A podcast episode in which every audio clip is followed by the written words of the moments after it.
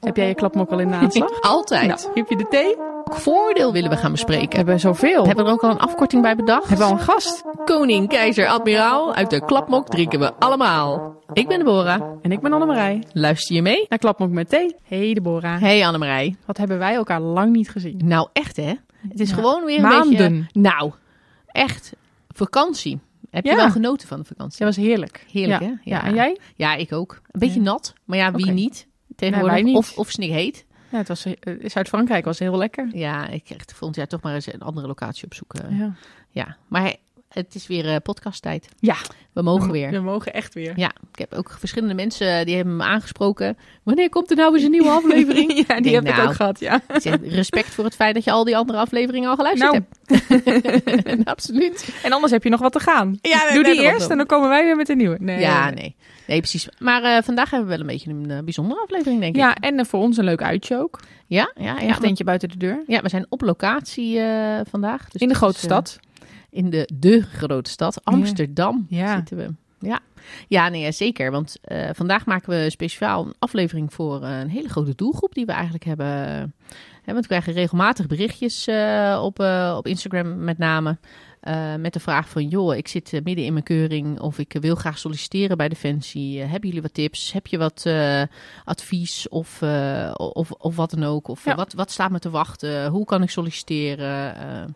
Dat we dachten, nou, dan moeten we toch maar eens even naar het hart van, Ja, van, van ja, ik wil zeggen van de organisatie, maar ik weet Ja, niet van of het dat het nou is. keuringsproces. Van het keuringsproces. Ja. Hoe zit het nu eigenlijk? Ja, want het is natuurlijk best even geleden dat wij de keuring hadden. Inmiddels is er veel veranderd. Heel veel veranderd. De kazerne hier ziet er ook echt heel anders uit. Nou, ja. Een aantal dingen zijn nog hetzelfde, maar het is vooral een stuk kleiner geworden. Er staat ineens een hek waar vroeger geen hek was. Ja, ja, ja, het is een beetje een onnatuurlijk hek. Maar Ja. wel grappig. En ehm, waar je vroeger met het bootje aankwam, dat was gewoon allemaal onderdeel van. En legering was hier ook. Ik weet niet of ze dat nog hebben. Dat ik. Maar eh, ik heb ja, hebben nog, ze wel, eh, maar niet, ik weet niet of dat is ook voor de keuring. eh. Nee, nee, precies. Ja. En ik weet nog dat ik, er was, het was maar echt ver reizen. Ja. Dus ik heb hier toen nog een nachtje geslapen. Ja, En, eh, goed ja. uitgerust aan je keuring te Ja, beginnen. belangrijk. Precies, precies. maar goed, ehm, we, hebben, we, hebben, we hebben Merel gevonden. Ja. En daar gaan we eens, die gaat ons eens meenemen door het hele proces. Daar gaan we lekker naar luisteren. Nou, eh, we zitten hier met Merel van der Poel. Eh Merel, jij bent van eh, het dienstencentrum Personeelslogistiek, het DCPL. Ja. En dan ben jij hoofdondersteunings- en informatiecentrum. Ja, Maar ik heb stiekem ook al gehoord dat je hier bent begonnen als eh, psycholoog, als keuringspsycholoog. Dus jij weet hier gewoon alles. Jij bent het- hier kind aan huis. als het goed is wel. Ik ben hier vijf jaar geleden begonnen als selectiepsycholoog. En toen drie jaar geleden ben ik hoofdondersteunings- en informatiecentrum geworden. Wat vooral een heel lange functienaam is. Maar het betekent dat ik leiding mag geven aan de ondersteunende eh, afdelingen binnen de keten. Dus binnen de indoor- en uitstroomketen. En dat zijn. Dat zijn de administratie, het is het plannen, het is de logistiek en het is het contactcentrum. Oké. Maar wacht even, we gaan nu heel snel. Hè? Ja. We Ja. zitten bij het DCPL, eh dienstcentrum personeelslogistiek. Ja. Het is allemaal enig. Maar In Amsterdam. We zitten in Amsterdam op het zitten- MEA. Oh, dan weet Oh. iedereen het. Ja, oh, we zitten bij de keuring. Ja! Nou, hé, dat is een hele goeie. Dat Ja, is een hele goeie. Daar zijn we dus. Kijk, hartstikke goed. Ja. We hebben allemaal keurlingen gezien. We hebben Ja? net een rondje gedaan. Ja.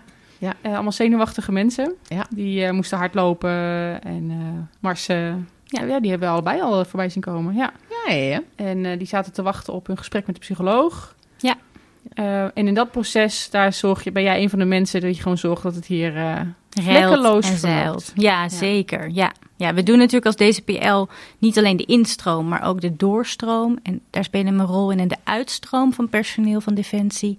ehm, die we helpen om een nieuwe functie buiten, maar het liefst binnen Defensie te vinden. Maar ja, iedereen kent ons. En dat is wat we het meeste doen, is de instroom van nieuw militair personeel. ja, dus dan hebben we het over werving en selectie. Werving en selectie. Ja. Ja. Ook het oude DCWS. Oh, dat heet niet meer zo? Nee. Oh, Vroeger heten we dienstencentrum werving en selectie, maar ja. dat is niet meer zo. Oh, oké.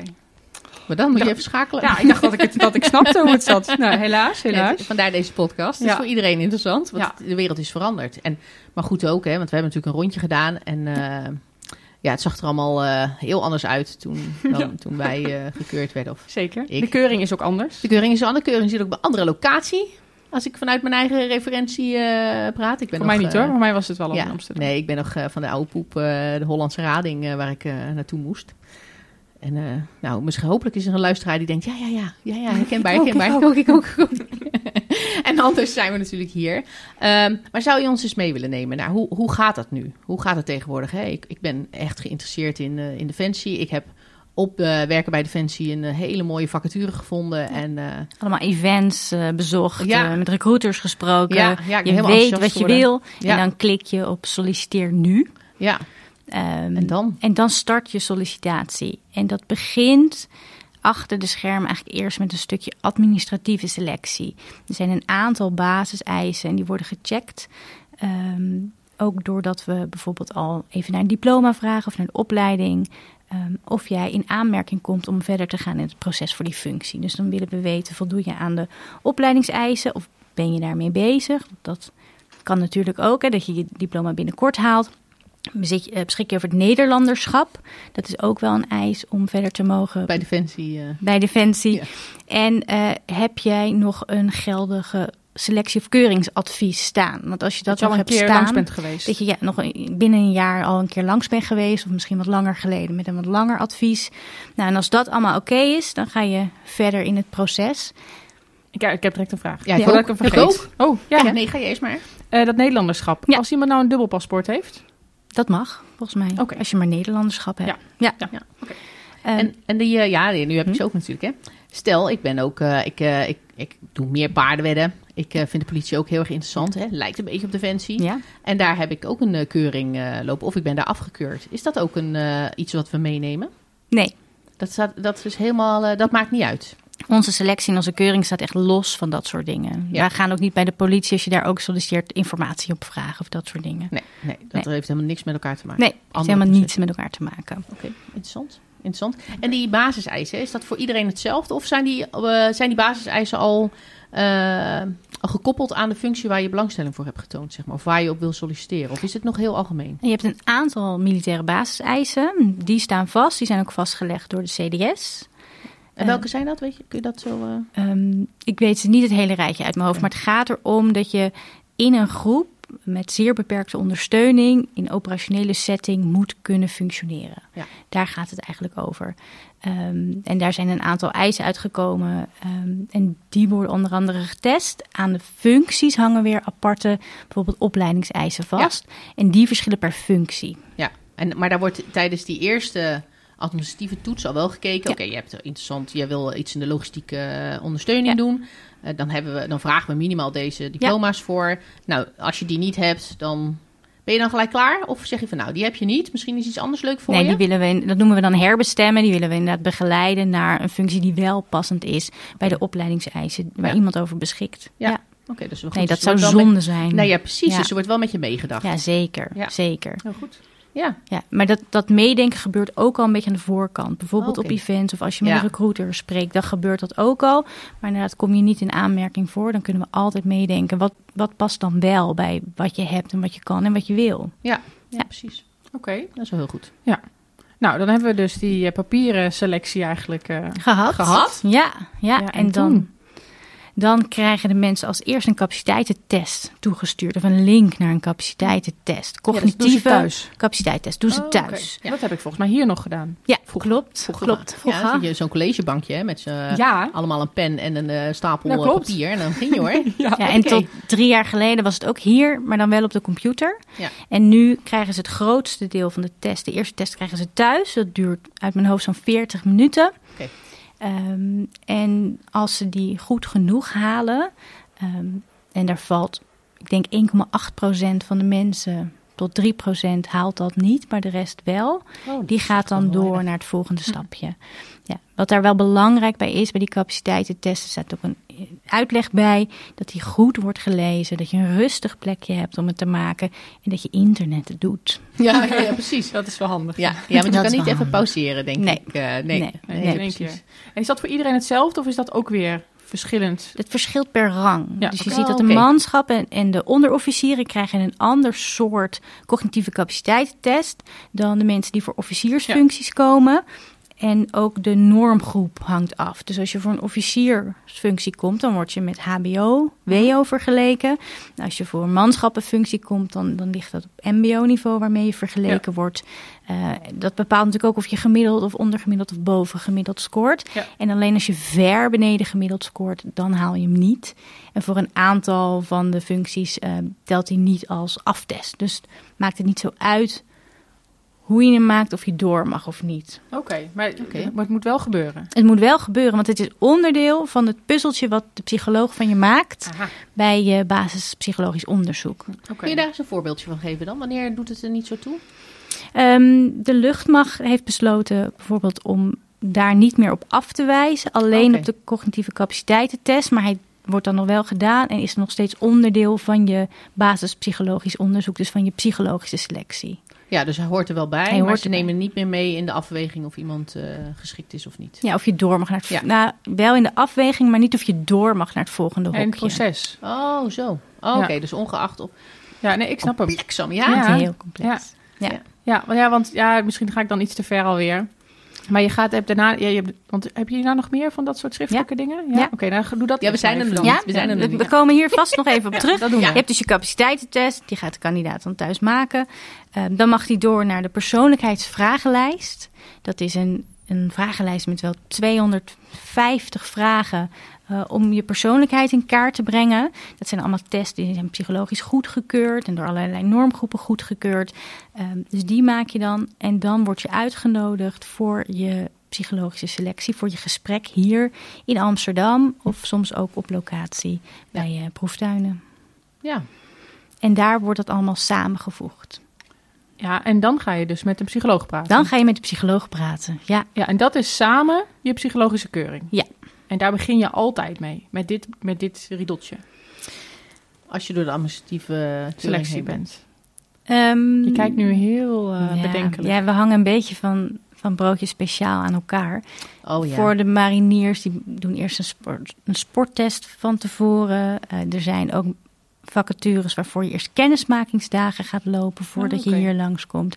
Er zijn ook vacatures waarbij je de kennismakingsdagen na je psychologische gesprek doet. Dus het is niet, hè, kijk goed ook naar de vacature. Of mensen kunnen altijd bellen om even vragen te stellen. Wat, welke hokjes moet ik nou door? Het Ja. staat ook altijd uitgelegd. Maar het is niet een soort van eenheidsworst. Nee, oké. We doen het altijd op deze manier. Ja. ja, en zo'n Dat heeft wel kennismakingsdag... voor- en nadelen eigenlijk. Ja. Hè?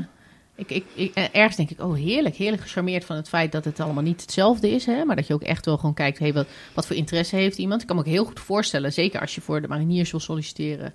Ja, dan, dan wordt gewoon echt een, eh, echt een bepaalde eh, fysieke basisfitheid gevraagd. Ja. Dat kan ik op papier wel heel erg peppy zijn. Maar als ik peppy niet sport ben, dan Mhm. kan ik beter ergens anders heen gaan. Ja, voordat, Ja. Ik, voordat ik halverwege het proces Mhm. teleurgesteld word. Ja.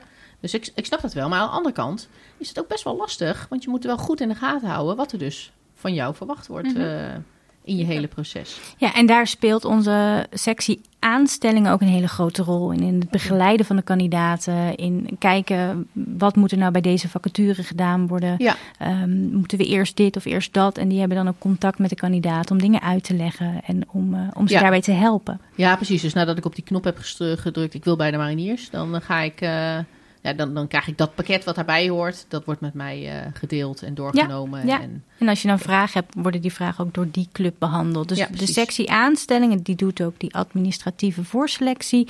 Die is eigenlijk een beetje de, de spin in het web van jouw eh, selectietraject en je sollicitatietraject. Dus die begeleiden het van solliciteer nu die knop totdat je eh, aanstelbaar bent. ja. en je alle hoepeltjes en hokjes gehad hebt. Ja, precies. Nou ja, we waren halverwege het proces, hè? We waren al Ja, ja, ja, nee, en, psychologische test ja, precies. En die kennismakingsdagen, dat zijn die dagen bij, eh, bijvoorbeeld bij de, bij de landmachtbrigades, toch? Dat ze alvast daar mee gaan lopen en daar wat dingen gaan doen. En Ja. een beetje in een Ja. ja. Ja, ja. procesje meelopen in wat Ja. ze het echt gaan doen. Ja, dat ze echt een beetje kunnen ruiken en proeven aan wat ze gaan doen. Soms zit er ook wel hè, dat ze zichzelf kunnen uitdagen om te kijken: oké, voldoe ik nou aan wat ze vragen Mhm. van mij bij deze functie? Ehm, dat soort dagen zijn dat inderdaad. Ja, en, en is dat ook onderdeel van de keuring? Of is dat vooral eh, het perspectief bieden op bij wat voor iets ze terecht gaan komen? Weet je dat, dat? zit hem vooral in perspectief. Ehm, die worden niet actief gebruikt om mensen Nee, weg te selecteren Nee, of zo. nee. Nee, Dus, dus het is geen moetje. Het helpt je. Of Nou, hoe, het eh, moet waarschijnlijk Het, wel mo- een het moet wel, maar het moet wel. het is niet dat je dan wordt gezegd, oké, je gaat maar naar huis, je redt het niet. Nee, het is meer een soort van eh, verplicht gesteld, omdat we gewoon zeker willen weten dat mensen gewoon goed voorbereid Ja, weten dat ja. waar ze op solliciteren. Eh, en niet, eh, niet onnodig door hoepeltjes halen, maar je moet gewoon. Ja, Defensie lijkt dat het heel erg. hè, heel erg van, van films en, eh, en wat je op tv ziet. We En, doen alleen maar spannende dingen. alleen maar spannende dingen, maar er is natuurlijk veel meer dan alleen dat. Ja, en je hoort toch ook wel vaak bij ehm, leerlingen die uitvallen in de eerste opleiding en dat hun beroepsbeeld niet helemaal klopt of Ja. dat ze toch andere verwachtingen hadden. Ja. Ja. kennismakingsdagen bij de eenheden kunnen echt een hele grote invloed daarin Ja, spelen om ze daarin te helpen. En ook om een beetje aan de binding te werken. Ehm, dus dat zijn hele mooie dagen. Ja. Ja, Ja, en dan kom je er. erachter hoe ver het nou eigenlijk rijden is naar Havelte. Ja. Het ligt een beetje aan waar je woont. Ja, precies. Oké, eh, het psychologische proces. Dus, eh, nou, we stel, hè, we hebben dus iemand komt hier binnen. Hm. eh, die heeft dus die, eh, die schriftelijke dingen gedaan. Capaciteitentest gedaan. Exact, persoonlijkheidstest. En Ja. die gaat eh, voor zijn gesprek bij de psycholoog. Ja. En we hoorden net al van jou, als psycholoog heb je dan nog niet de uitkomst van die eh, andere testen gezien. Nee. Je gaat echt open, blanco in Ja. het gesprek met iemand die dan voor je komt te zitten. Ja, je krijgt echt vijf minuten, tien minuten de tijd om het dossier eh, Even te even te bekijken, bekijken, zijn ja. er opvallende dingen. Ja, Mensen, en dossier, waar hebben we het dan? Wat voor Oh, dossier heb je dan? Het is een, een, een echt papieren dossier. Ehm, wat je van tevoren bekijkt is eh, live, data sheet. Dus dat is een lijst waar mensen eigenlijk een soort van invullen. Oké, daar heb ik op school gezeten, daar heb ik gewerkt, een beetje zo. En ehm, ze vullen ook nog een andere vragenlijst in van tevoren. En dat is de, eh, een lijst, ik ben de naam even kwijt, maar daarin wordt gevraagd: oké, heb je deze heftige gebeurtenissen in je leven, van verhuizen tot het verlies van een partner, heb je die meegemaakt, ja of nee? Want dan kan je een beetje voorbereiden als psycholoog van: oké, hoe ziet het leven van deze persoon er tot nu toe uit? Ja. Ehm, en zijn er nog dingen waar ik niet aan voorbij mag gaan in het Ja. gesprek? Oké, En die bekijk je van tevoren. En dan ga je je kandidaat ophalen in de kandidatenkantine. Waar iemand eh even het rustig ruikt zit naar wachten. zweet. rustig, Angst, rustig. zweet. Angst, zweet. Houdt zo'n typische geur in. nee, zo erg is het niet. Nee, nee. En we hebben al gezien net hoe ze hier ontvangen worden. Met Nou, heel fruit welkom. en drinken en leuk Ja. ingericht. Ja. En ehm, ja, militaire blaadjes om te lezen. Ja, Precies. zeker. Nou, wel heel welkom. Ik Heel denk dat welkom, dat wel, ja. eh, ik denk dat het heel goed is hoor. Ja. Ja. Oké, eh, nou, En dan gesprek. word je opgehaald. Ja. Dan voer je het gesprek ehm, met dus een psycholoog. En die brengt eigenlijk met een levensloopinterview je hele leven tot nu toe in kaart. Ehm, dus over school, over baantjes, over dat soort dingen. En daarin wordt gekeken wat heb je allemaal meegemaakt en hoe ben je daarmee omgegaan. Mhm. En wat voor impact hebben zaken op je? De ene is ontzettend zenuwachtig voor een toets of voor afrijden. En de ander doet het gewoon helemaal niets. Ehm, en dat zijn belangrijke dingen om in kaart te gaan brengen. Er worden verschillende ankerpunten gescoord, zoals ze dat dan noemen. Dus eh, hoe zit iemand in zijn sociaal functioneren? Hoe is iemands motivatie? Iemands eh, prestatiegerichtheid? Ehm, en het belangrijkste is eigenlijk iemands psychologische belastbaarheid. Het gaat echt over stressbestendigheid en veerkracht. En hoe ben je omgegaan met de dingen die je hebt meegemaakt. Ehm, en die worden dan aan de hand van een handboek, waar allemaal heel erg nauwgezet is gezet. Wat is voldoende en wat is niet voldoende, worden daar scores aangegeven. Ehm, dan worden dus ook de capaciteitentest erbij gepakt, die ze thuis hebben gemaakt. Ja, dus je komt daarna dan terug voor, bij de psycholoog. Ja, die, na het ja. gesprek Ja. en de ehm, persoonlijkheidsvragenlijst. En dan wordt gekeken, zijn er dan nu nog opvallende dingen als ik die drie puzzelstukjes naast elkaar leg? Ja, iemand kan wel in het gesprek heel erg cool doen van ik heb nooit ergens last van, ik ben nooit zenuwachtig. En dat er dan uit de persoonlijkheidsvragenlijst komt dat iemand echt wel een beetje een zenuwpees is en heel snel van slag is. Nou, dat is ook geen reden om dan meteen een streep te zetten door iemands advies. Maar wel vervolgvraag. om het gesprek inderdaad nog even aan te gaan. Van oké, maar hè, de- deze twee beelden naast elkaar, hoe kan dat? Waar zit hem dat in? Hebben we iets niet besproken? Hoe zit het dan hiermee? Mhm. Dus om het gesprek nog even dieper aan te gaan en dan ehm, nou ja, daar een helderder beeld van te krijgen. Ja, en dit is dus ook die stap waar die capaciteitstest weer terugkomt, Ja. waar we het net over hadden. Ja. Waarvan CLSK zegt van nou, dat is voor ons niet Ja. direct een stoppend iets. Nee. Maar dat wordt dan in het geheel beschouwd, wordt dat meegenomen in het, eh, wat er uiteindelijk uitrolt. Ja. Klopt. Ja. Ja. Het kan ook best wel helpen dat als een gesprek heel moeizaam is gegaan en de communicatie heel moeizaam, dat je denkt, ja, snapt deze persoon me eigenlijk wel? Ja. Ehm, en dat je dan de capaciteitentest erbij pakt en dat je denkt, oh, oké, nu begrijp ik waarom het zo moeizaam is. Maar dat zijn echt enkelingen Ja. waar dat bij is. Ja. en een capaciteitentest is wel een hele betrouwbare voorspeller, ook op baansucces. En als je hier begint bij Defensie, begin je natuurlijk met opleidingen. Ja. Ehm, dus dan is het wel belangrijk dat je ook hè, de capaciteiten hebt om dat aan te kunnen. En om snel veel te leren, Ja. snel informatie tot je te nemen. Ja. Ehm, dus daarom is het ook wel een belangrijk onderdeel van eh, dat eh, basispsychologisch onderzoek. Oké. En, en wat zou, is dan de, kan dan de uitkomst zijn van deze stap, van deze totaalstap van het psychologische deel? Nou, de meeste mensen krijgen gelukkig een positief advies. Zo'n 75% van de mensen krijgt een positief advies. Ehm, maar er is ook een groep die krijgt een negatief advies. En daar zijn eigenlijk drie variaties in. Ehm, voor één jaar, dat is het meest gegeven negatieve advies. Voor vijf jaar negatief advies. Of voor goed een negatief advies. En waar, waar, zit hem dat, eh, waar zit dat verschil dan in? Want waarom zou je dan, nou, nu niet, maar volgend jaar wel? Dat is, dat is Ja, of vijf, vijf jaar. Dat kan ook zijn dat je dan eh, al op het randje komt van... kan ik dan überhaupt nog, Nog voor diezelfde... solliciteren. Ja. ja. Nou, ehm, de, voor, voor één jaar negatief advies zit hem veel meer in dingen die ook wat meer ontwikkelbaar zijn. Of waarvan de impact niet zo groot is. Maar dat we zeggen, ja, nu is niet het moment voor jou om bij Defensie te gaan. Ehm, bijvoorbeeld, je zit in een hele tumultueuze thuissituatie. Ehm, en dat heeft heel veel impact op je. Waardoor het nu niet handig is om bij Defensie te gaan. Omdat je bijvoorbeeld daar ook nog niet op de beste manier mee omgaat. Ehm, dat zou het kunnen zijn. Of je moet nog een haltstraf uitvoeren. Of dat soort dingen. Ja, Ja, daar zit toch ook wel een lach maar, in? lach Ja. maar.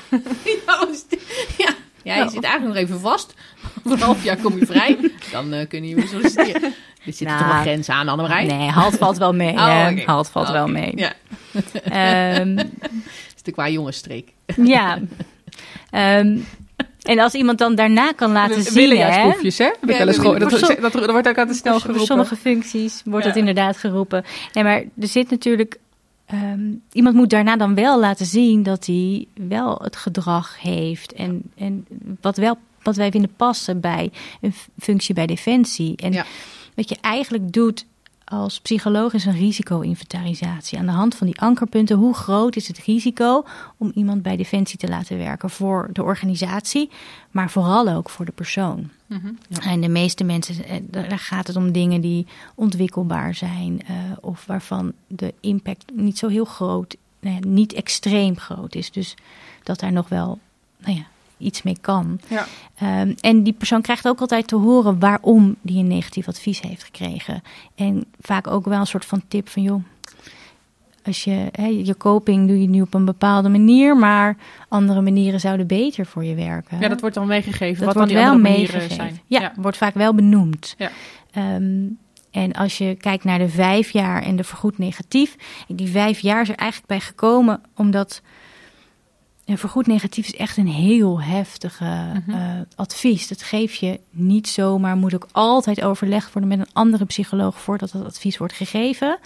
Ehm, en dat, dat gaat echt om, om, om hele dysfunctionele eh, gedragingen of hele beschadigde mensen die daar ook niet op een hele gezonde manier mee omgaan. Mhm. Ehm, dat we zeggen het risico is te groot. En dan is vaak het risico te groot voor de persoon. Ehm, maar vergoed negatief is echt heel erg lang. En zeker als je 18 bent bijvoorbeeld, of Ja, 17. en iemand kan zich juist dan nog wel ontwikkelen Juist, natuurlijk. en je kan je nog ontwikkelen, maar één jaar is echt te snel. Daarvoor is nu ook sinds een paar jaar het vijf jaar negatief in het leven geroepen. Maar ik denk dat vijf jaar negatief en vergoed negatief, dat is minder dan 5% wat dat advies krijgt. Ja, ik vind, ik vind wel, wat mij dan wel eh, doet, hè, we hebben het dan over eh voor goed negatief en die- dan eh, beschadigde mensen en Ja. alles. Ik kan me ook voorstellen dat je totaal niet beschadigde mensen binnenkrijgt, omdat die een lekkere zorgeloze jeugd hebben gehad. Eh, ouders lekker bij elkaar, Ja. opa en oma nog in leven, huisdieren doen nog huppelen lekker mee. Ja. Eh, hè, allemaal Zeker. prima. Eh, Flappy ziet er wel ieder jaar iets anders uit, maar, maar maakt dat geeft niet uit. niet. Lekker Dat geeft niet. In de naïviteit blijft het hetzelfde konijn. Ik nergens last van. Zijn die mensen dan per definitie uh, goedgekeurd? Dus als ik mij niks overkomt, dan ben ik echt de briljante kandidaat. Hoe gaan we daarmee om dan?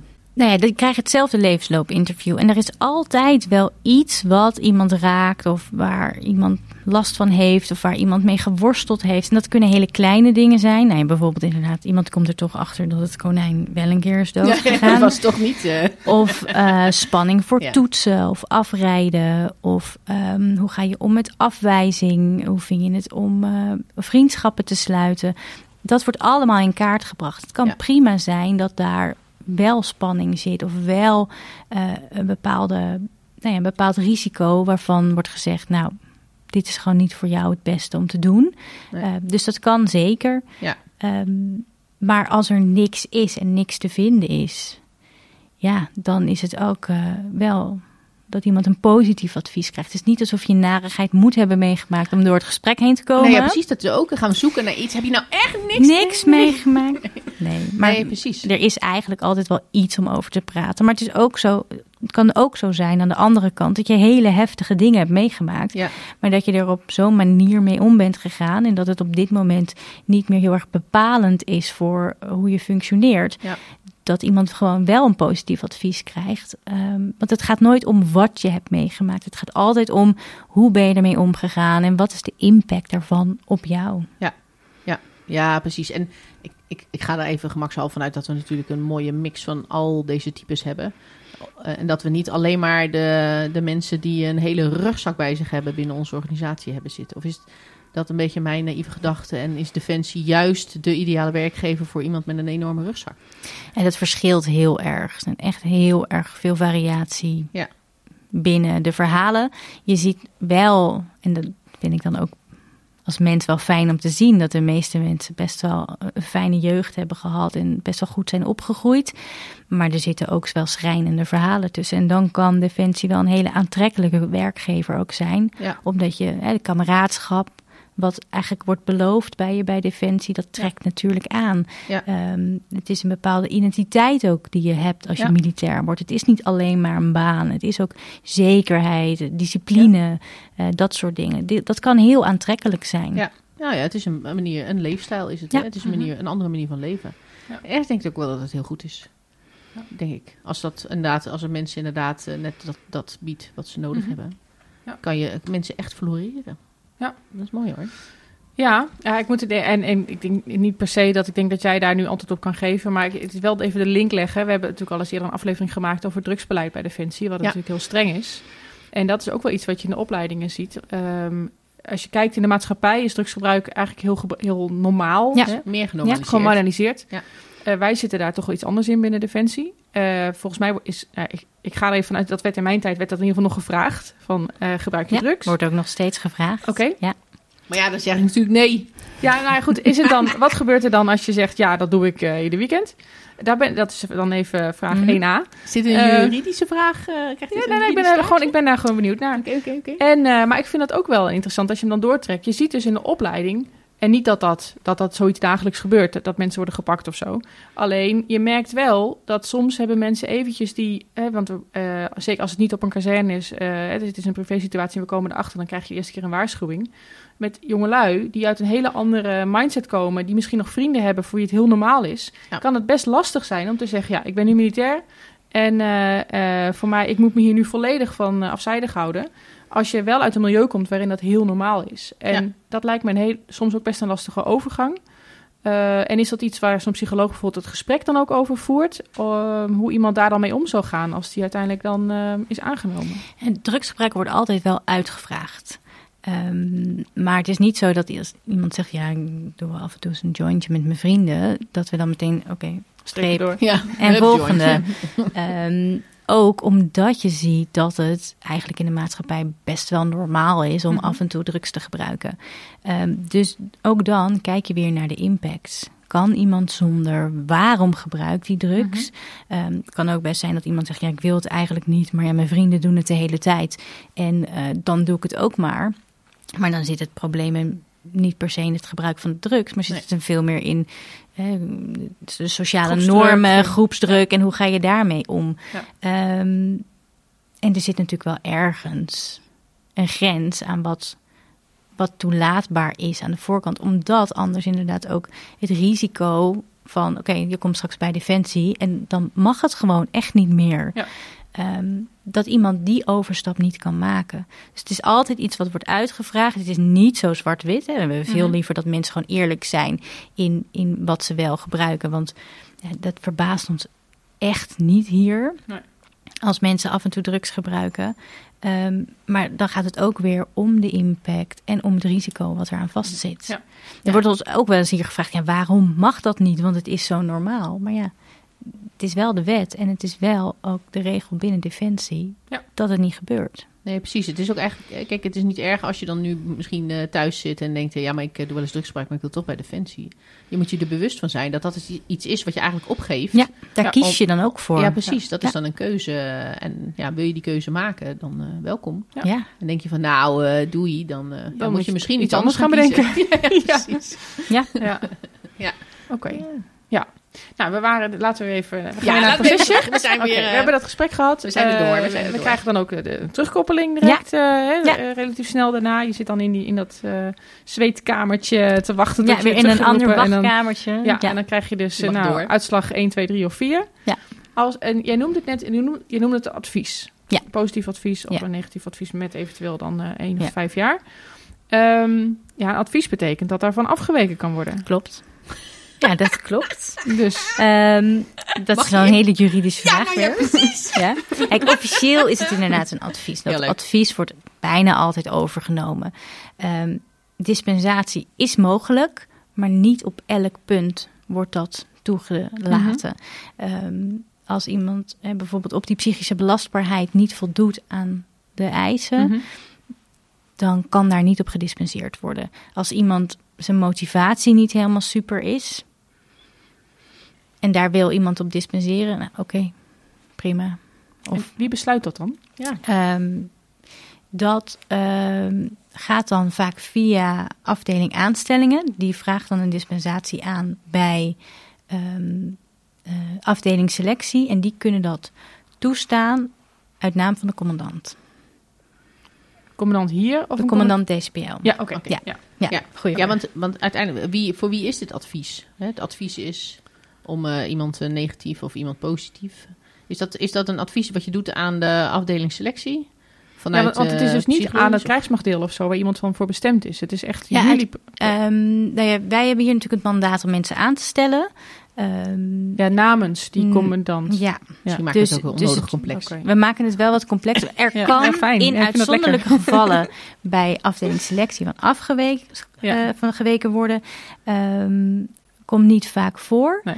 Ehm, maar het zou kunnen in theorie. Ja. Ja. Ja, en we hadden het er al even over dat er ook wel eens mensen dan eh, da- daarna nog een keer terugkomen met, met gewoon een ouder of Ja. een, ehm Ja. of een VEVA-instructeur. PV-instructeur. Ja, dat was het, gebeurt ja. ook. Ja. Om nog even erover te hebben van oké, hoe kom je nou op Hoe die in uitslag? hemelsnaam deze uitslag? Ja, er zijn verschillende opties mogelijk. Als je, eh, kijk, je krijgt natuurlijk je, als je negatief advies krijgt, want over die groep hebben we Ja, het nu, ja. dan wordt aan je uitgelegd, joh, negatief advies voor zussen zo lang en dit is de reden waarom. Ehm, dus dat wordt aan je teruggekoppeld. Dan kan je eventueel daarna nog, als je zegt, ja, het zit me toch niet lekker of ik ben het er niet mee eens, zou je nog ook een apart telefoongesprek kunnen aanvragen met een psycholoog waarin je nog een keer de uitleg krijgt. Maar je kan ook een resultatengesprek aanvragen. En dan kan je hier komen in Amsterdam. Ga je met een psycholoog die jouw dossier er dan bij pakt. Hè, waar ook de onderbouwing staat. eh, met jou het gesprek aan om uit te leggen, nogmaals, waarom eh, je een negatief advies hebt gekregen. En daar Ja. mag je iemand bij meenemen. Bijvoorbeeld je ouder of je VEVA-instructeur of nou ja, een andere vertrouwenspersoon. Ja. Ehm, dat gaat niet het advies veranderen. Nee, het is puur uitleg. Uitleg. Ja. Wat je ook nog zou kunnen doen, is een bedenking indienen. Dan moet je onderbouwd aangeven waarom je het niet eens bent met, eh, met het advies wat je hebt gekregen. Mhm. En dan wordt door een andere psycholoog jouw dossier nog een keer bekeken. En dan wordt er gekeken, oké, is het protocol op de juiste manier Ja, gevolgd? En klopt de onderbouwing? Ja.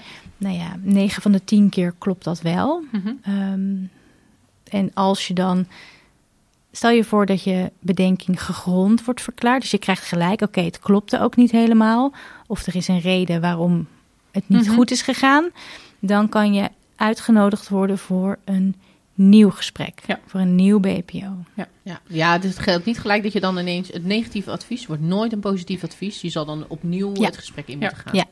Ja, en, die, en, en die, ja, sorry, we gaan hier natuurlijk veel te lang op in, maar ik vind het gewoon interessant. Eh, Dat is ook heel ja, interessant. die Ja, dispensatie, Ja. dat is natuurlijk dan weer een apart traject. Maar gaat dat, ga, komt dat dan vanaf eh, bijvoorbeeld het krijgsmachtdeel dat eigenlijk iemand aangenomen wil hebben? Hoe moet ik dat zien? Nou, dat zou toch niet kunnen? Ja, dat weet ik niet. Ja, kan dat? Het, zou, het is een, Die dispensatie waar we het net ook Ja. over hadden, hè? Ja, dat kan alleen op de niet... want iemand kan zelf toch niet zeggen, ja, ik wil nu gewoon een dispensatie. Ja, ik ben afgekeurd, maar ik wil een dispensatie. Nee. Nee, Dat dat, kan alleen zijn. op de niet, ehm, de niet kritieke ankerpunten. En dus, dus altijd wel, wordt altijd wel gecommuniceerd met afdeling aanstellingen. Is het dispensatie überhaupt? Ligt dat op tafel of niet? En dan is het wel een beetje afhankelijk van of het een knelpuntvacature is of een Ja. schaarste vacature is. Ja, maar dat is iets dat wat dan vanuit een eenheid komt, die dan gaat zeggen: Ja, ik wil deze persoon graag hebben, die is nu afgekeurd. Ja. Eh, ik had er eigenlijk al op gerekend dat hij zou beginnen volgende week. Bij wijze van. Ja, ja. Dat, En- kan, dat kan toch niet? Ah, ik Nee, dat, er dat, toch, dat eh, blijft binnen aanstellingen. Kijk, het is, het is niet? niet te adviseren, want eh, de selectie zit niet voor niks zo in elkaar. En hij werkt echt wel goed. Ehm, maar wat je bijvoorbeeld wel eens heb, wat ik wel eens heb meegemaakt, is dat er iemand ehm, kwam voor een technische functie. Mhm. En eh, die was gevraagd. hoeft om ook te- met niemand te praten of zo in die functie. nou, en, en zijn motivatie was niet heel goed. Stereotyp. waarom wil je bij Defensie? Ja, ja, jullie hebben mij gevraagd. Oh ja, ja, ja, Ja, heerlijk. En ja. ehm, ja, dan, dan kan je gewoon volgens het handboek niet zeggen... nou, dit is een knijtergoeie motivatie, dit komt helemaal goed. Mhm. Nee. Maar het is ook weer niet iets waarvan je zegt... ga hierop liggen om die persoon niet door te laten gaan. Ja. Maar dat gaat dan eigenlijk, blijft dat hier intern, wordt dat gedaan. Oké, Ja, precies. Ja, oké. Dus zorg voor een goed onderbouwde motivatie. Dat is eh, altijd goed. Ja, precies. Ja, überhaupt. En niet omdat de recruiter aan je jasje trok. Ja. Nee, want daarvoor is het natuurlijk te veel een levensveranderende keuze. Oh, om ja, ja, ja. Defensie te Ja, gaan. ja het is Ja. niet eh, vakken vullen bij de Albert Heijn, eh, bij wijze van. Nee. ook. Is misschien ook heel levensveranderend. Precies. Maar Kan Maar, eh, anders. Nee, nee, nee, maar dat is natuurlijk helemaal zo. Je moet, dat moet echt van binnen komen natuurlijk. Dat Ja. je, ja. roeping. Oké, ja, een roeping. Hebben we het wel ook vaker eens- gezegd. Ja, ik was er wel eens vaker over gehad. Ja, nou stel even, en we, we hebben het over gehad, het is iedere Mhm. keer kan het natuurlijk anders zijn, maar stel even het eh, gewoon eh, in de basis. Ik heb hier gehoord, dik prima, ik mag door. Ja. Mag ik dan hier rennen op de Sintelbaan? Ja, En eh, nou, we hadden het al over, dat is, eh, vaak is het twee dagen, soms wordt alles even in één dag gepropt. Ik kan Ja. mezelf nog herinneren dat ik eh, twee dagen hier ben geweest. het kan zijn dat, ehm, eh, dat je dus nog iets tussendoor moet doen. Ja. Ehm, omdat het bij je vacature hoort. Ja. Dan heb je, kom je hier twee keer. Dan kom je Ja. hier eerst voor je selectie en dan later een keer voor je medische keuring. Oké. Ehm, maar het kan ook zijn dat je dat allemaal op één dag doet. Ja. Ja. Oké. Oké, de medische keuring. Ik sportpak mee. Ja, Ja. sportschoenen mee, stevige schoenen mee, Ja. sportkleren mee. Ja, en die keuring is echt anders dan eh, vroeger, toen wij eh, hier de keuring deden. Ik, Zeker. ik heb even een leuke. Oh. Was een collega, die, ging, eh, die is een tijdje, een paar jaar even uit geweest. Echt erbij, en die ging, was wel reservist, maar die kwam op een gegeven moment terug, maar bij een ander krijgsmachtdeel. En die moest weer helemaal gekeurd worden. Oké. En eh, nou, dus nou ja, prima, dan moet je even door het hoepeltje. Dus die had ook in haar hoofd, nou hetzelfde. Ja, wij hebben vroeger, wij moesten fietsen, je moest van die dingen wegdrukken. Mhm. En eh, nou, je ging langs een arts met een hartfilmpje en allemaal Ja. dat soort dingen. Eh, nou, dat was hem geloof ik wel, hè? Ja, dat is allemaal En, eh, niet meer. Ik moest nou, springen met een touwtje om. Oh, ook leuk. kijken hoe hoog ik moest springen. Ja, maar die kwam hier nog. dus aan. En die gewoon met in haar hoofd, ik ga dat doen. En die was een van de eerste die de huidige keuring mocht gaan doen. Uit je moest even schakelen. En die moest ineens hier rennen en marcheren met een rugzak. En eh, dat was even een... eh, Dat is wel even een andere koek. Ja, het is allemaal gelukt hoor. Maar, eh, Gelukkig. ja, gelukkig, gelukkig. Maar dan eh, sta je toch even van, hè, wat? Ja, want wat, wat, om even die duidelijkheid te Ja. ja. die verwarring van Wat touwtjes moet je nou in je doen? middel. Wat, hoe ziet de medische Hoe ziet het er nu uit? Wat moet ik doen? Ja. Wat moet je doen? Ehm, de medische keuring bestaat uit fysieke sporttesten en een, eh, echt een medisch stukje met een arts. Ehm, de sporttesten bestaan uit een hardlooptest. Is 12 minuten rennen. En dan afhankelijk van het functiecluster, dus de zwaarte van de functie die je wil gaan doen, moet je een bepaalde afstand afleggen. Ehm, we hebben eh, marsen, eh, waarbij ook ehm, met bepakking. Dus je begint geloof ik met 25 kilo. En voor de hogere functieclusters komt er op een gegeven moment nog 10 kilo bij. Dus zit je aan de 35 kilo. We hebben teeltesten, draagtesten en andere sporttesten in de sporthal.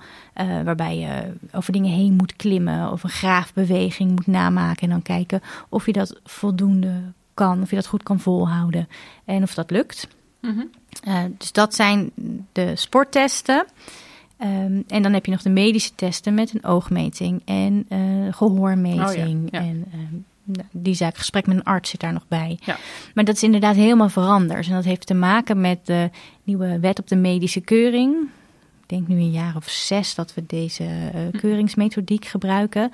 Waarbij wordt gezegd, je mag niet meer iemand keuren en dan gewoon kijken wat zijn de risico's. Dus heeft iemand ja. zwakke knieën, nou dan, dan wijzen we hem af, want we willen dat risico niet lopen. Je moet echt iemand gaan keuren op een manier die past bij het werk wat die gaan doen. Ja, ja. functioneel. Functioneel, ja. inderdaad. Um, is iemand in staat om die testen. bewegingen te kunnen maken. Ja. ja. als militair moet je kunnen rennen. Oké, okay, dan ga je rennen. Je moet met bepakking kunnen marsen. Dan gaan we dat testen. Je moet kunnen graven. Dan gaan we dat simuleren om te kijken of dat lukt. Ja, wetboeken optillen. Dat soort dingen. Op de hoogste plank, op de laagste plank. Ja, ja. ja. ja dat is die tiltest natuurlijk. Ja, ja, snap ik. Ja, ik snap niet. Dat ik, ja, ik begrijp wel waarom ik die dus niet heb gehad. Die tiltest. Ja. oh, heerlijk. Ja. Heerlijk. Nee, nee maar ik denk dat wel... Uh, aan de ene kant is het natuurlijk wel heel erg goed. Uh, maar zien we, zien we hier nu dus ook uh, betere resultaten door? Of is het daardoor makkelijker geworden? Of uh, komen er nu relatief meer mensen door? Of, uh, de, of zeg je ja, dat maakt eigenlijk niet nee, Het percentage wat, wat, wat niet um, um, door, de, door de medische keuring heen komt, dat is ongeveer gelijk gebleven. Ja. Um, oh, dat is niet veranderd. Uh, we hebben daar niet in, een ander inzage in gekregen nu die sporttesten anders zijn, of die eisen anders zijn gelegd. Nee, nee, naar mijn weten niet. Nee. nee. Waar ik nog wel heel erg benieuwd naar ben, is, is de generatiekloof. We ja. hebben het natuurlijk al wel eens over gehad in een eerdere podcast. Hè. Er bestaat nu eenmaal een nieuwere generatie. Horen wij niet bij. Uiteraard hebben we daar natuurlijk wel trekjes van. hè? Niet bij. Voeden we nee. wel op. Ja, voeden ja, we wel op. wel. Absoluut. Ja. Nou, en, en nou, je, je hebt natuurlijk... Die, we hebben er dagelijks mee te maken. We hebben er dagelijks mee te maken in die opvoeding. Man, mijn hemel. Maar goed, voordat de oma verder gaat. Uh, hè, merk je daar nog iets in? Hè? Dat je zegt van we hebben echt een andere generatie uh, mee te maken. We mogen niet meer tegen ze schreeuwen als ze hier moeten rennen. Ja, precies. Natuurlijk hilarische filmpjes hè, met de parodieën op uh, Kamp van Koningsbrug filmpjes. Dat de nieuwe ja. generatie die dan... Ja, uh, ja, ja. die zijn heel mooi. Ja, ja, die zijn schitterend. Maar merk je daar hier iets van en, en, doen we daar op een andere manier naar kijken? houden we op een of andere manier rekening met het feit dat we met verschillende generaties te maken hebben? Um, ja, je probeert natuurlijk altijd aan te sluiten bij je kandidaten. Hoe communiceer je met de kandidaten? Hoe kan je ze bereiken? Dat is natuurlijk ook iets wat veel langskomt. Dus je zitten allebei op je telefoon uh, tijdens het gesprek. nou, appen ja, met de. Ja, ja, ja. Nee, maar zeker sexy aanstellingen die de Ja. mensen begeleidt. Die passen natuurlijk hè, WhatsApp meer dan bellen. Ja, En, precies. Nee, dat soort dingen zitten natuurlijk bij. Ehm, in de gesprekken, de, de psychologen hier, die, die houden hun kennis op peil. En er wordt altijd ook gekeken, oké, bepaald gedrag, hoe ziet dat eruit in de context? Dus Ja. je moet ook wel op de hoogte blijven van de context. En wat is normaal en wat is niet normaal? Wat is dysfunctioneel, wat is niet dysfunctioneel? Dus dat wordt wel meegenomen. Oh, dat is wel interessant. Ehm, daar wordt altijd naar gekeken, net als cultuurverschillen. Daar worden ze ook in opgeleid en houden ze ook de kennis in bij om Ja. te kunnen weten: oké, eh, in bepaalde culturen is het gewoon veel minder normaal om met je ouders over bepaalde dingen te praten, Ja. dan dat het in, in, in, de, in de gemiddelde Nederlandse cultuur is. Ehm, dat dat Ja. heeft allemaal invloed en daar moet je wel meenemen in je afweging of iets. ehm, functioneel is of niet. Ja, dat ja. iets anders is, wil niet zeggen dat het verkeerd is. Ja, of dat het niet klopt, of dat je daarin afwijkt. Of dat Ja. hoeft dus helemaal niet. Nee, dat hoeft oh, helemaal dat niet vind ik wel heel se. goed dat we daar rekening mee houden. Ja, en ik heb ook wel het idee, want we hebben natuurlijk dat rondje hier gedaan. En je ziet hoe mensen hier worden ontvangen. Ja. En eh super vriendelijke dames Ja. achter de balie ja, daar. eh. zeker. En ehm, dat het is ook niet zo dat je hier komt. Eh, en dat vanuit jullie het idee is, eh, we gaan iemand eens eventjes fel over de oren Nee. trekken en eh, extra spannend maken. Nee. Maar jullie doen wel echt je best. Om, we hebben het- de uitleg even gezien voor mensen die gingen hardlopen net.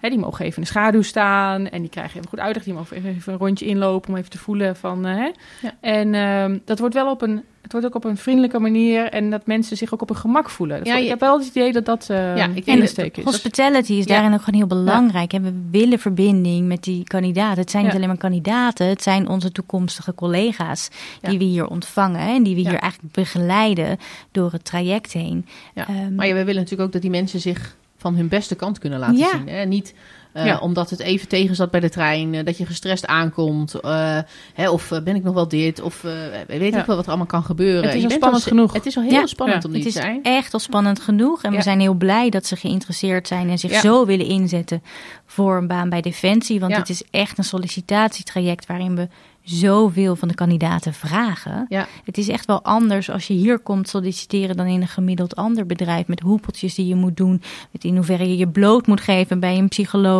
Ja. Eh, Rondjes rennen, marcheren. En dat heeft allemaal een reden. En dat heeft allemaal echt een goede reden. Ehm, maar dat moeten we wel op de juiste manier doen om die verbinding te houden. En om, kijk, vroeger, natuurlijk een diensttijd, dus iedereen moest.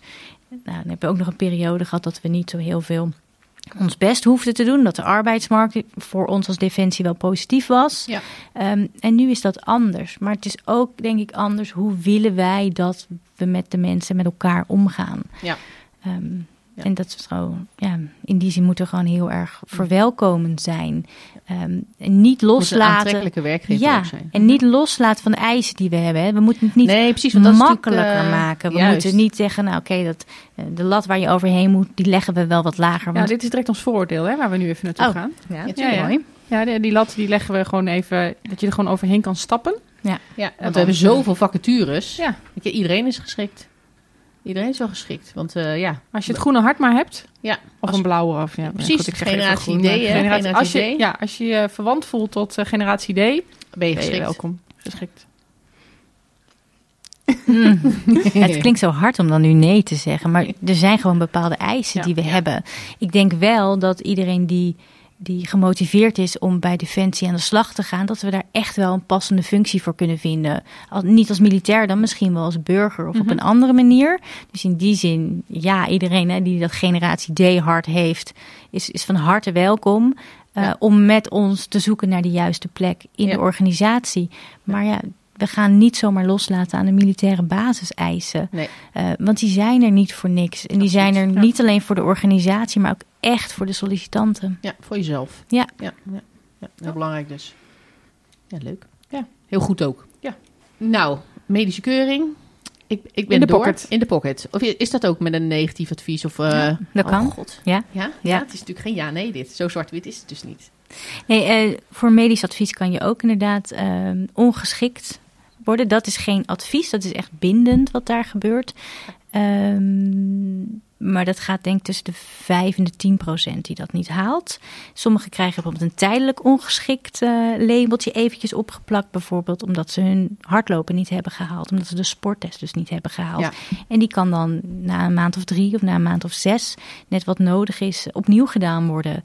Ja. Ehm, dan hoef je niet het hele eh, traject opnieuw te doen. En dan krijg je eigenlijk een tweede kans. Ja, ja dus zeg van nou, ga nog even naar huis. Even wat oefenen. Hier heb je een hardloopschema. Ja. Eh, probeer je daaraan te houden. Dan, Ja, dan Dat kun is, door. dat, dat is wel op te werken natuurlijk. Nou ja, Ja. precies. Dat Ja. is te trainen. Hè? Ja. Ja, ja oké, heel goed. En dan, eh, eh, komt iemand terug en dan haalt hij het natuurlijk wel. Ja. Helemaal voorbereid. precies. En dan, eh, ja, dan ben je aanstelbaar. Ja, moet je dan de hele test nog een keer doen? Of mag je dan alleen hardlopen? Stel dat je dat niet hebt gehaald en de rest wel. Weet ik niet zeker. Oké. Dat weet ik niet zeker. Of het een compleet geheel is Ja. wat je dan moet doen. Ja. Nou, op zich is het niet zo heel erg, want je weet dat je het kan. Ja, ja, Je precies. hebt de rest kan- dan al een keer gedaan. Ja, ik kan me Dat voorstellen helpt. dat het één pakket is. Het zou mij raar lijken Ja. dat je alleen dat ene stukje dan Ja, inhaalt. nu zit, ja, ja, maar dat weten we niet. Nu maar dat weten we niet. beetje- Nee, maar dat eh, qua logica. in Sorry, dat was even filoso- filosofisch. Juist. Oké, goed. Maar oké, dan, en dan ben ik aanstelbaar. Ja. Wat gebeurt er dan met me? En dan word je gefeliciteerd. En dan hoor je erbij. En dan, eh, dan is het eh wacht eigenlijk op de meldingsinstructies van je vooropkomst of van je opkomst. Ja. We houden dan ook nog wel een beetje contact met je vanuit aanstellingen hier. Ja. En dan, eh, dan Oh, je- ga je opkomen. ja, ik heb hier gelijk wel even een kritische vraag over. Ja. Want dat kan nog wel even duren. Dat kan soms wel even duren. Ja, dat we, vinden we toch wel heel vervelend. ja, we proberen dat zo kort mogelijk te houden. Ook door te werken met een backwards planning. Dus dat we niet nu al mensen gaan, eh, gaan keuren en selecteren voor een opkomst van volgend jaar juli. Eh, zodat we die tijd zo kort mogelijk Oh, houden. slim. Ja. Ja. Maar ja, soms is de capaciteit bij een opleiding... Ja, ik ga doorhandelen. Ja. Soms is de capaciteit van een opleidingscentrum eh, misschien wel gehaald. Maar pot voor drie, wat was dit een goede lichting... met eh, een stelletje kandidaten erbij die we allemaal willen hebben. Gaan we dan, eh, gaan we dan zeggen... te veel hebben. Je bent, je bent te vroeg. Je, had eigenlijk, je kan eigenlijk pas in eh, juli eh, bij, want eh, ja...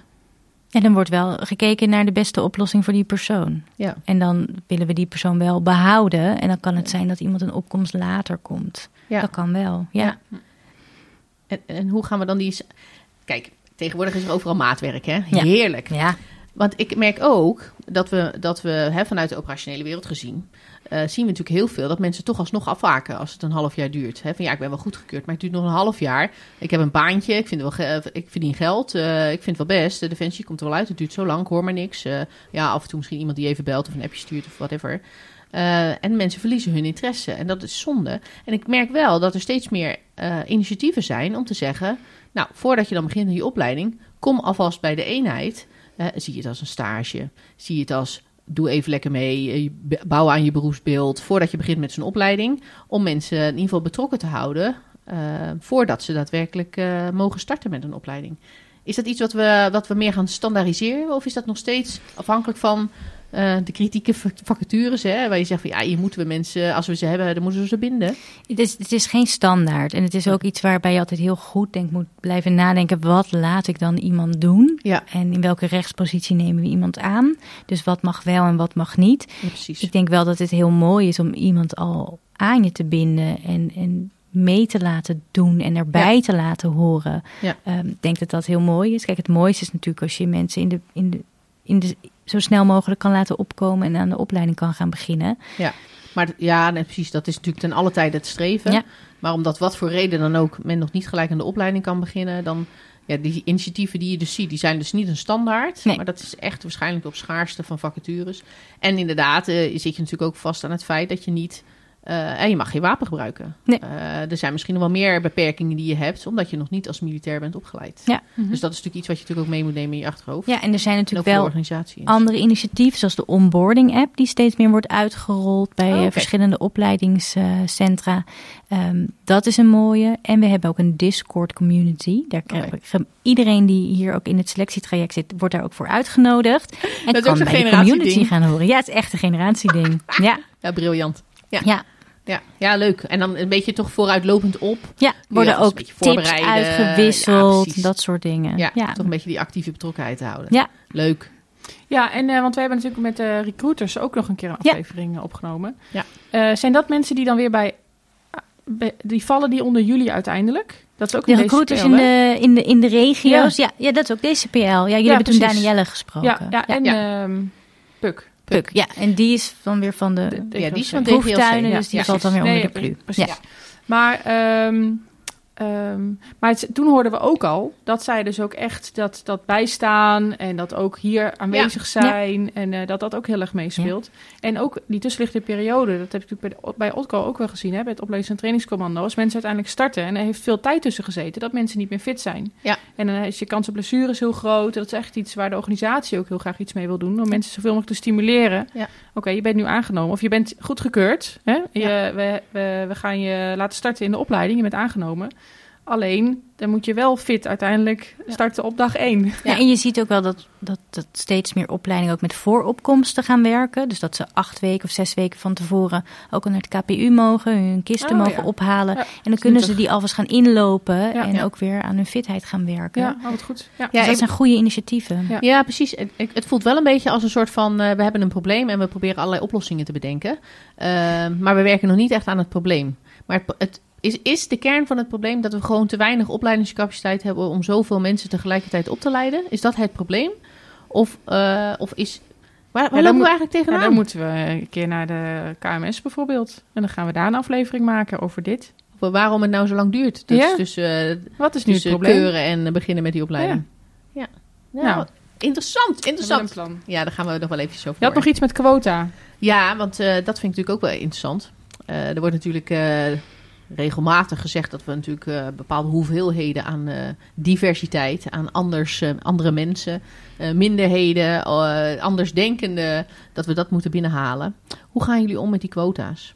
Nee, Ik mag niet quota. zeggen, hè? Want, ja, nou goed, het- het- wat ik, wat ik net al zei, het is allemaal dubbelop. We kunnen daar op verschillende plekken in de keten in meer of mindere mate iets mee. Kijk, als je aan de voorkant gaat kijken, dus het recruiten, het werven, dan kan je heel gericht doelgroepen gaan aanspreken, ladies events organiseren, ehm, naar Kwakkoe Festival. eh, naar wat? stond- Het Kwakkoe Festival. Wat is dat? Het, eh, Deborah. Ja, nou, eh, ik ben er niet geweest. Ik heb geen idee waar het over gaat. Kwakkelfestival? Kwakoe. Een kwakkoe. Kwakkoe. Niet de doelgroep. Ja, dat is eh, voor... eh, is dat eh, niet- ja, Surinamers of zo? Ja. Ja, hè? Ja. ja. Ja. Oh. Dat is een festival in Amsterdam, meerdere weekenden, inderdaad, voornamelijk ook voor het Surinaams gericht. Dus, dat is, dus daar zijn de recruiters ook aanwezig. Ehm, dus daarin kan je echt wel iets met, met de verschillende doelgroepen en hoe ga je die bereiken en hoe ga je die binden en begeleiden. Ja. Bij het selecteren en het keuren mogen we er niet zoveel mee. Nee, wordt er niet gezegd, nou, eh, hè, ik ben dadelijk eh, toekomstig CELAS, hier zit ik dan. Ja. En eh, ik, ik wil toch zeker wel dat het, het fameuze 30% van de, de mensen die je aanneemt vrouw is. Ja. Want ik wil mijn organisatie toch wat meer divers laten zijn. En dan laten Feminiseren. Feminiseren, dat is mooi, want divers is natuurlijk lekker veel breder. Maar feminiseren, wat een mooi woord. Maar dat mogen we niet. Waarom we niet? mogen geen voorkeursbeleid handhaven. Nee? Dus wij mogen dat niet. Dat zou discrimineren zijn. Ja, precies. Kijk, het is wel zo dat we heel erg letten op... is onze ehm, selectie of onze keuring... ehm, ze zitten daar gender biases in. Dus Ja, zien we dat vrouwen veel vaker een negatief advies krijgen. Of, of dat soort dingen. En dat zien we eigenlijk niet. Nee. Daar dus- wordt ja. echt elke keer op gelet, worden de cijfers naast elkaar gelet en het gelegd. En het percentage vrouwen met een positief advies is ongeveer gelijk aan het aantal mannen met een Ja. positief advies. Ja, dus het zit vooral aan de voorkant. Je moet Ja. zorgen dat die diverse groep eh, opteert. Aanspreekt. Ja. En Ja. daarna werken bij Defensie gaat. eh, op solliciteer nu klikt. Ja. En, eh, en op die manier het proces inrolt. En, Ja, dan, precies. en dan gaan ze hier op de persoon wordt gekeken van ben jij eh, geschikt of niet. Ja. Ja, Eh, en en- niet en- ben jij een vrouw en dan Nee. leggen we de lat weer lager bijvoorbeeld. Dat zou je, dat zou je ook gewoon niet willen. Nee, dat hoeft Maar ook niet aan voor de voorkant kan je daar echt wel... Nee, misschien een beetje Oh, hoger juist zelfs. precies. Ja. Iets meer, hè? Maar, maar dat, dat wordt dus niet gedaan. Nee, Nee. oké. nee, precies. Dat staat daar helemaal los van. Ja. Ja, en er wordt ook gekeken naar de vacatureteksten. Zijn die eh, Aansprekend Ja, genoeg aansprekend. Ja. Wordt daar niet een bepaalde groep meer Ja. door aangesproken of niet? Dus op die manier wordt er wel echt op gelet Ja. dat we in die zin zo, zo ja, inclusief mogelijk Ja, zijn. generatie D. Ja. Ja. Hebben we Ja. hem weer. Nou ja, dat is ook zo. En het is, het is een hele kluif hoor, om heel inclusief te zijn Ja. en iedereen mee te willen nemen. Dus wat dat betreft eh, is een dagtaak op zich om Ja. te zorgen dat je tekst erop aansluit. Zeker.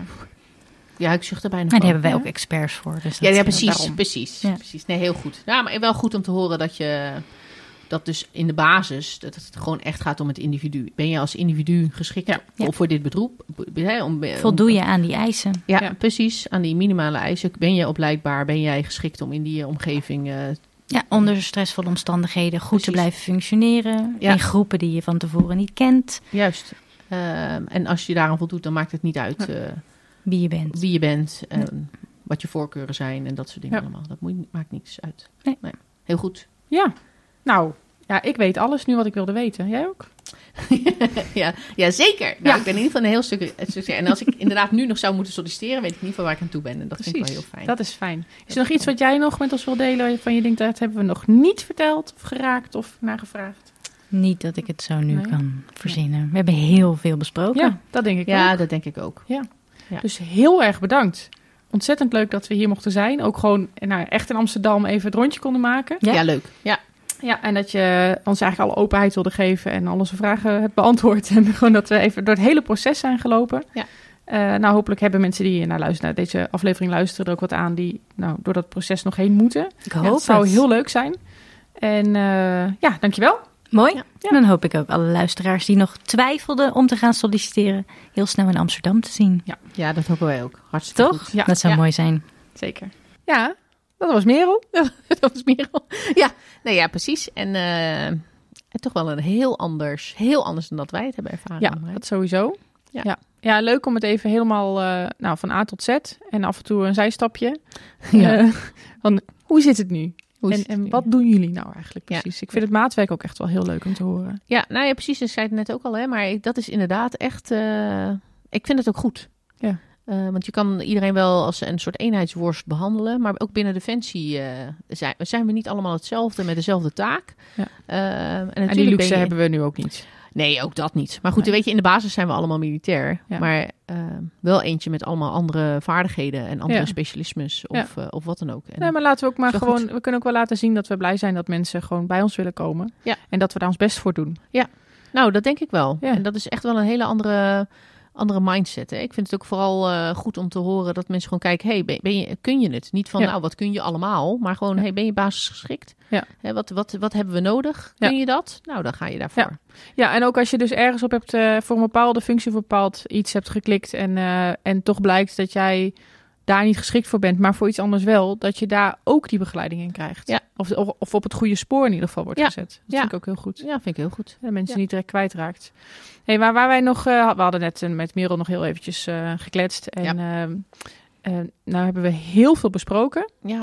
Maar de verschillen tussen de krijgsmachtdelen, dat hadden we nog niet besproken. Nee, we hebben het wel even aangehaald. Hè? Door dan met name in het CLSK vorige... was eventjes, ja. dat was een, die, die daar wat anders zit in hoe er met die capaciteitstest wordt omgegaan. Ja.